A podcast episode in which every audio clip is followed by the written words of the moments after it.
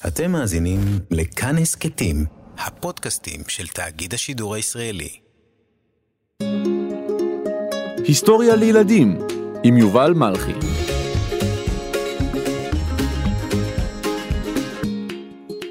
הלן קלר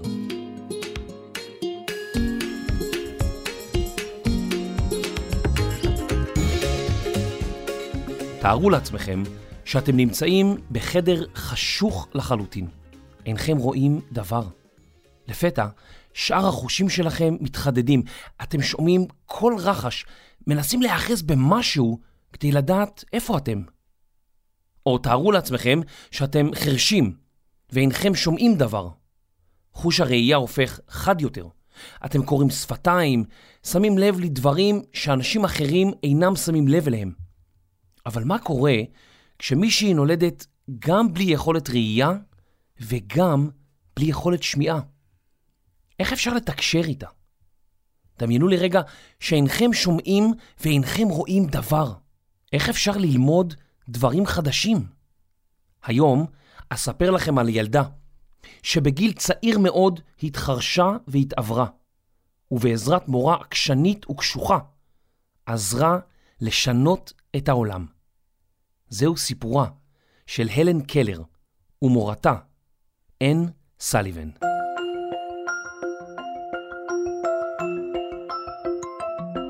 הלן קלר נולדה בחודש יוני בשנת 1880 במדינת אלבמה שבדרום ארצות הברית.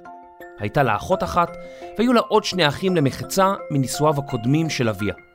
משפחתה של הלן התפרנסה בעיקר מגידול כותנה. כשהייתה בת שנה ושבעה חודשים, חלתה הלן במחלה שגרמה לה לאבד את השמיעה והראייה. כיום משערים שהמחלה שבה לקטה הלן הייתה דלקת קרום המוח, אך אין יודעים זאת בוודאות. באותם ימים הרפואה לא הייתה מתקדמת במיוחד, ומחלות רבות נחשבו פשוט מחלת חום גבוה או מחלת בטן. בעקבות המחלה הייתה הלן לעיוורת וחירשת עוד בטרם מלאו לה שנתיים. בדרום ארצות הברית באותן השנים, משפחות רבות העסיקו משרתים וטבחים כהי עור. רבים מאותם משרתים היו עבדים או צאצאים לעבדים. לטבחית של משפחת קלר הייתה בת שהייתה מבוגרת בהלן בכמה שנים. שמה היה מרתה וושינגטון. מרתה והלן נהיו חברות, והלן הצליחה לתקשר עם מרתה בעזרת סימנים שסימנה בידיה. השתיים בילו שעות רבות במטבח. הן לשו בצק, טחנו קפה, הכינו גלידה, והאכילו את התרנגולות ואת תרנגולי ההודו שהסתובבו בחצר. הלן ומרתה פיתחו שפת סימנים שלהן.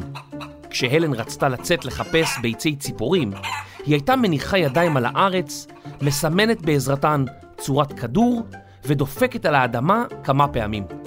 זה היה קצת מורכב, אבל מרתה הבינה מיד למה הלן התכוונה.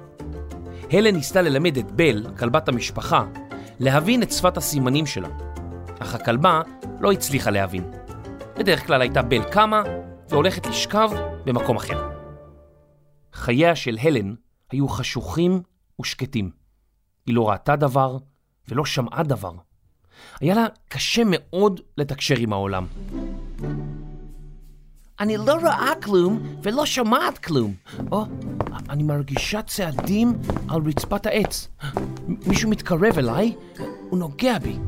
לפי הידיים, זאת אימא. היא אוחזת בידי. לאן היא לוקחת אותי? היא מכניסה אותי הביתה? אבל, אבל למה? למה? למה דווקא עכשיו שאני משחקת? לא, אני לא רוצה. לא, אני לא רוצה. אני לא רוצה.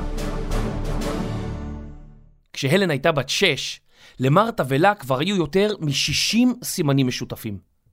אבל הלן הייתה מתוסכלת יותר ויותר, מפני שכל האנשים האחרים לא הבינו מה היא רצתה. לעתים גם הניסיונות שלה לעשות דברים בעצמה נגמרו באסונות או בכמעט אסונות, וכמובן בתסכול. כך למשל באחת הפעמים שביקשה לקחת לעצמה כוס מים, היא שפכה את המים על עצמה. וכשניסתה לייבש את הסינר שלה באש האח, האש אחזה בסינר והלן נכוותה בידיה.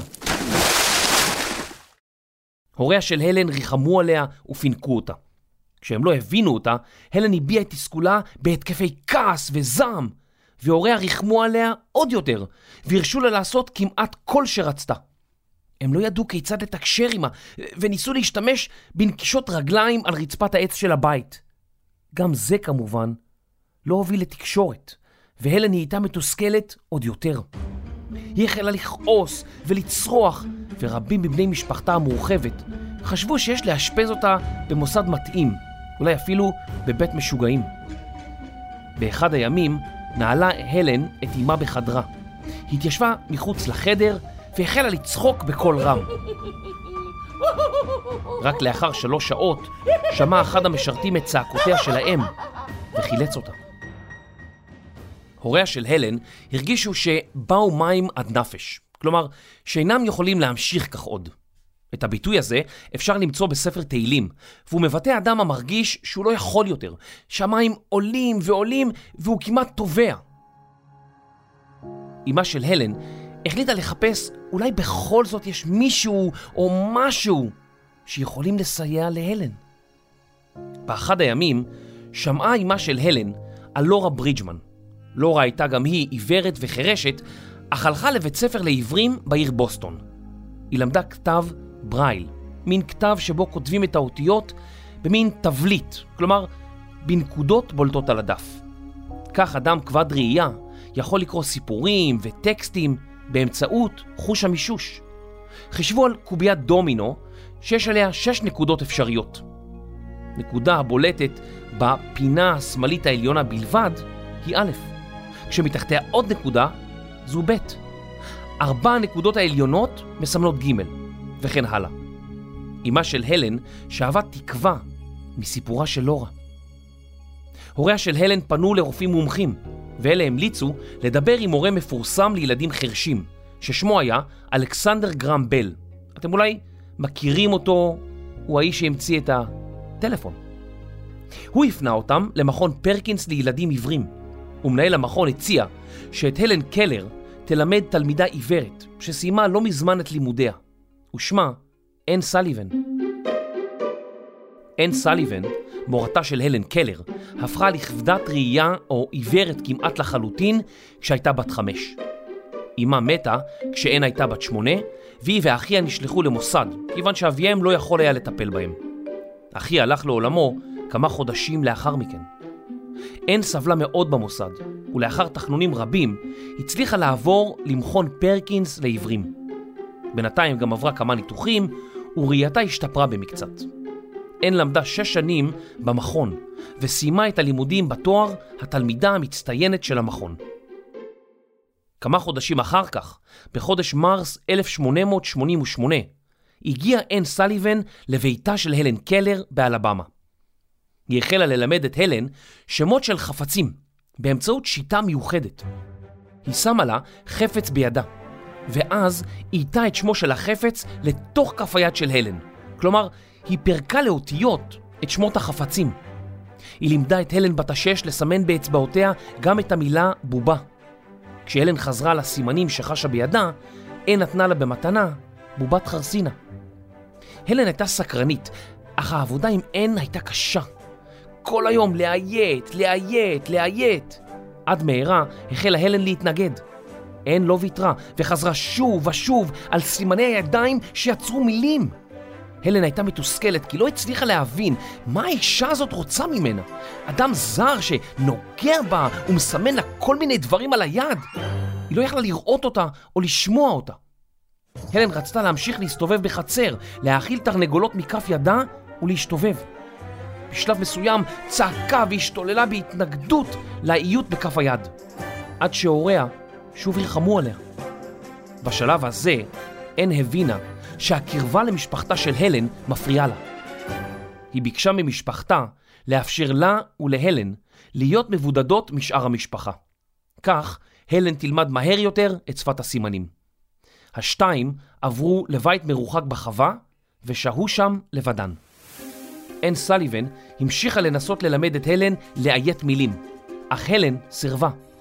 באחת הפעמים הטיחה הלן קלר את בובת החרסינה שלה ברצפה, והבובה נשברה לרסיסים.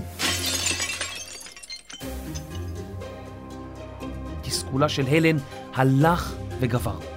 היא צבתה את מורתה, בעטה בה, נשכה אותה, ואף שברה כמה משיניה. אבל אין סליבן לא ויתרה.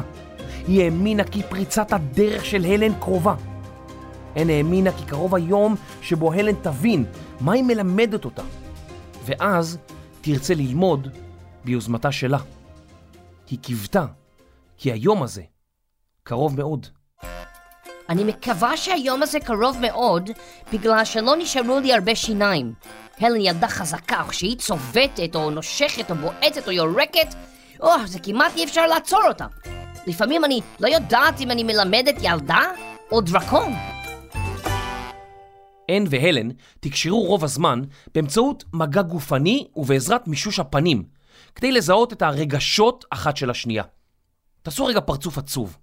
עכשיו, שימו את היד על הפנים ותראו אם אתם מסוגלים להבין מה אתם מרגישים.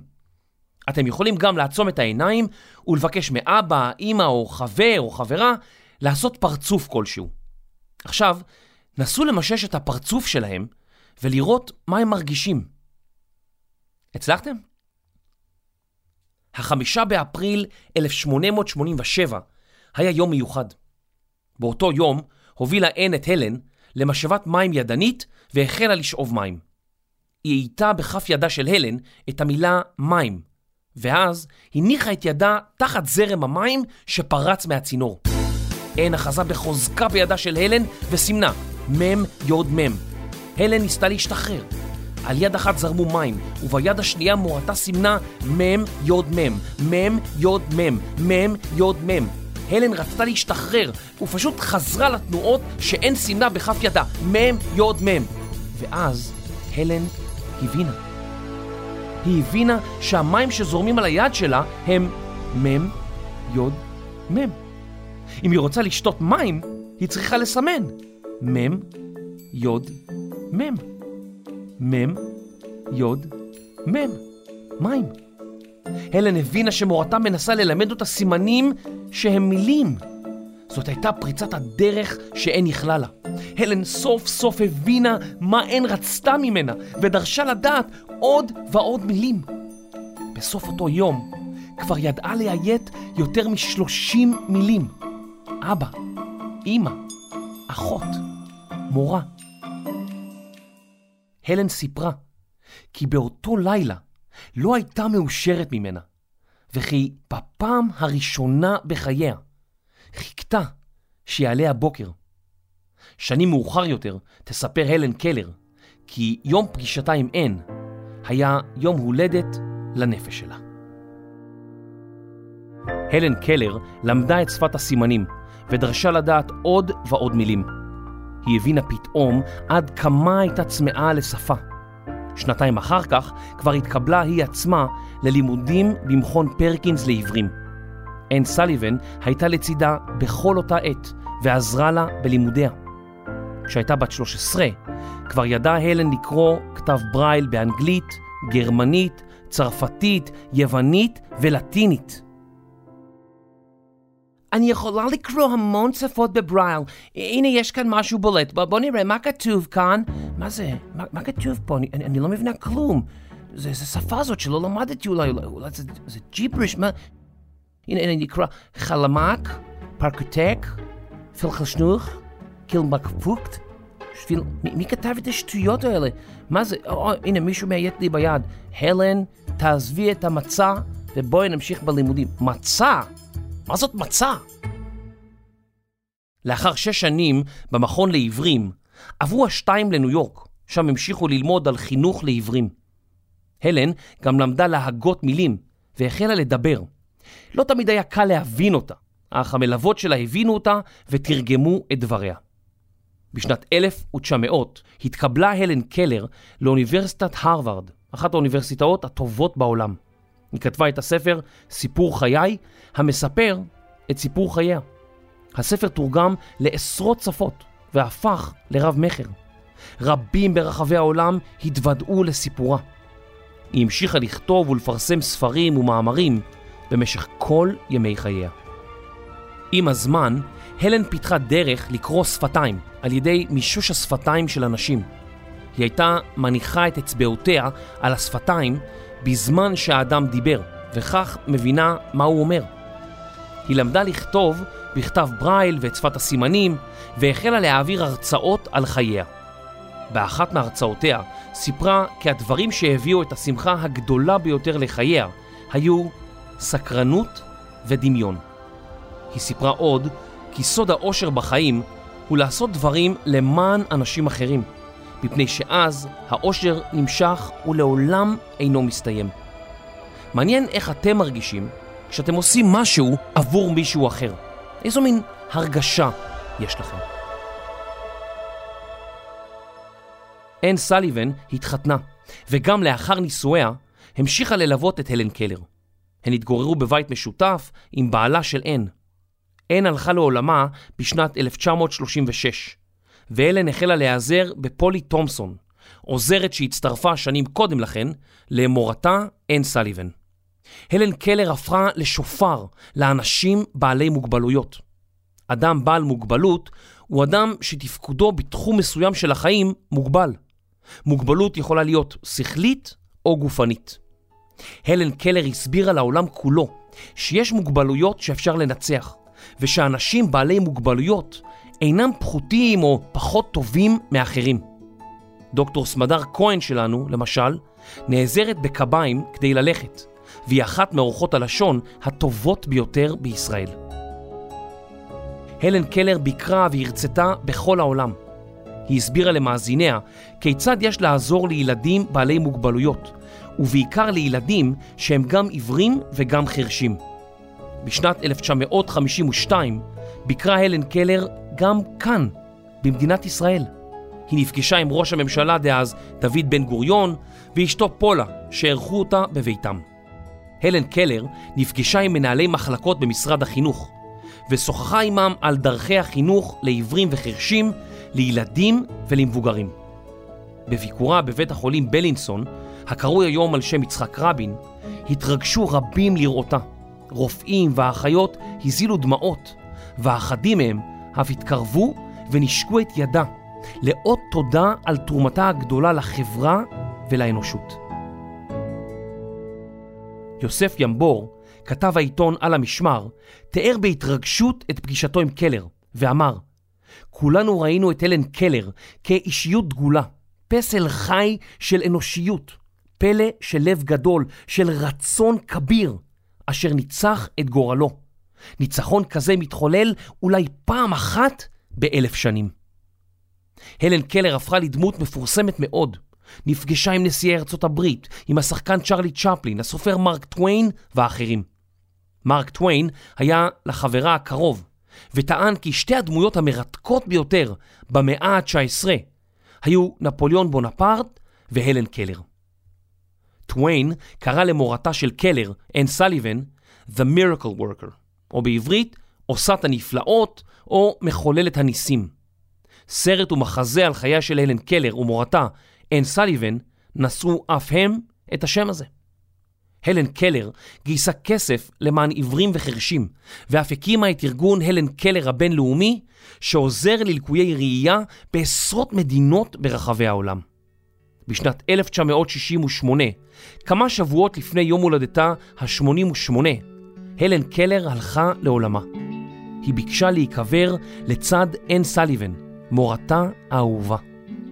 עד היום, הלן קלר נחשבת לאחד האנשים מעוררי ההשראה הגדולים ביותר שחיו מעולם. הלן קלר המשיכה להשפיע על העולם ועל היחס לאנשים בעלי מוגבלויות, גם שנים לאחר מותה, ואפילו היום, ממש עכשיו, כאן, בפרק הזה. כשהרצל דמיין את מדינת ישראל לפני יותר מ-120 שנים, הוא דמיין שתקום כאן חברת מופת.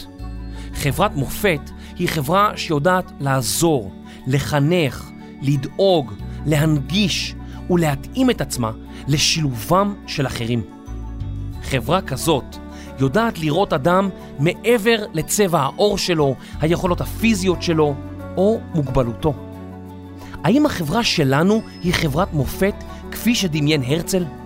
האם אנחנו מתייחסים לאנשים שונים מאיתנו, או אנשים בעלי מוגבלויות, כפי שהלן קלר הייתה רוצה שנתייחס? מה עוד אתם הייתם עושים?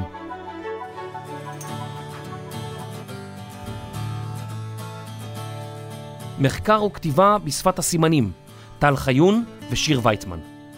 מחקר, עריכה, קריינות וצביטות מהלן קלר, יובל מלכי. עריכת לשון ותה עם אלן קלר אצל פולה בן גוריון, דוקטור סמדר כהן. מיקס, אפקטים ותרגום המוזיקה לשפת הסימנים, רחל רפאלי. הפקה, תפאורה, זיקוקים בסוף הפרק ועושי נפלאות, רני שחר ואייל שינדלר.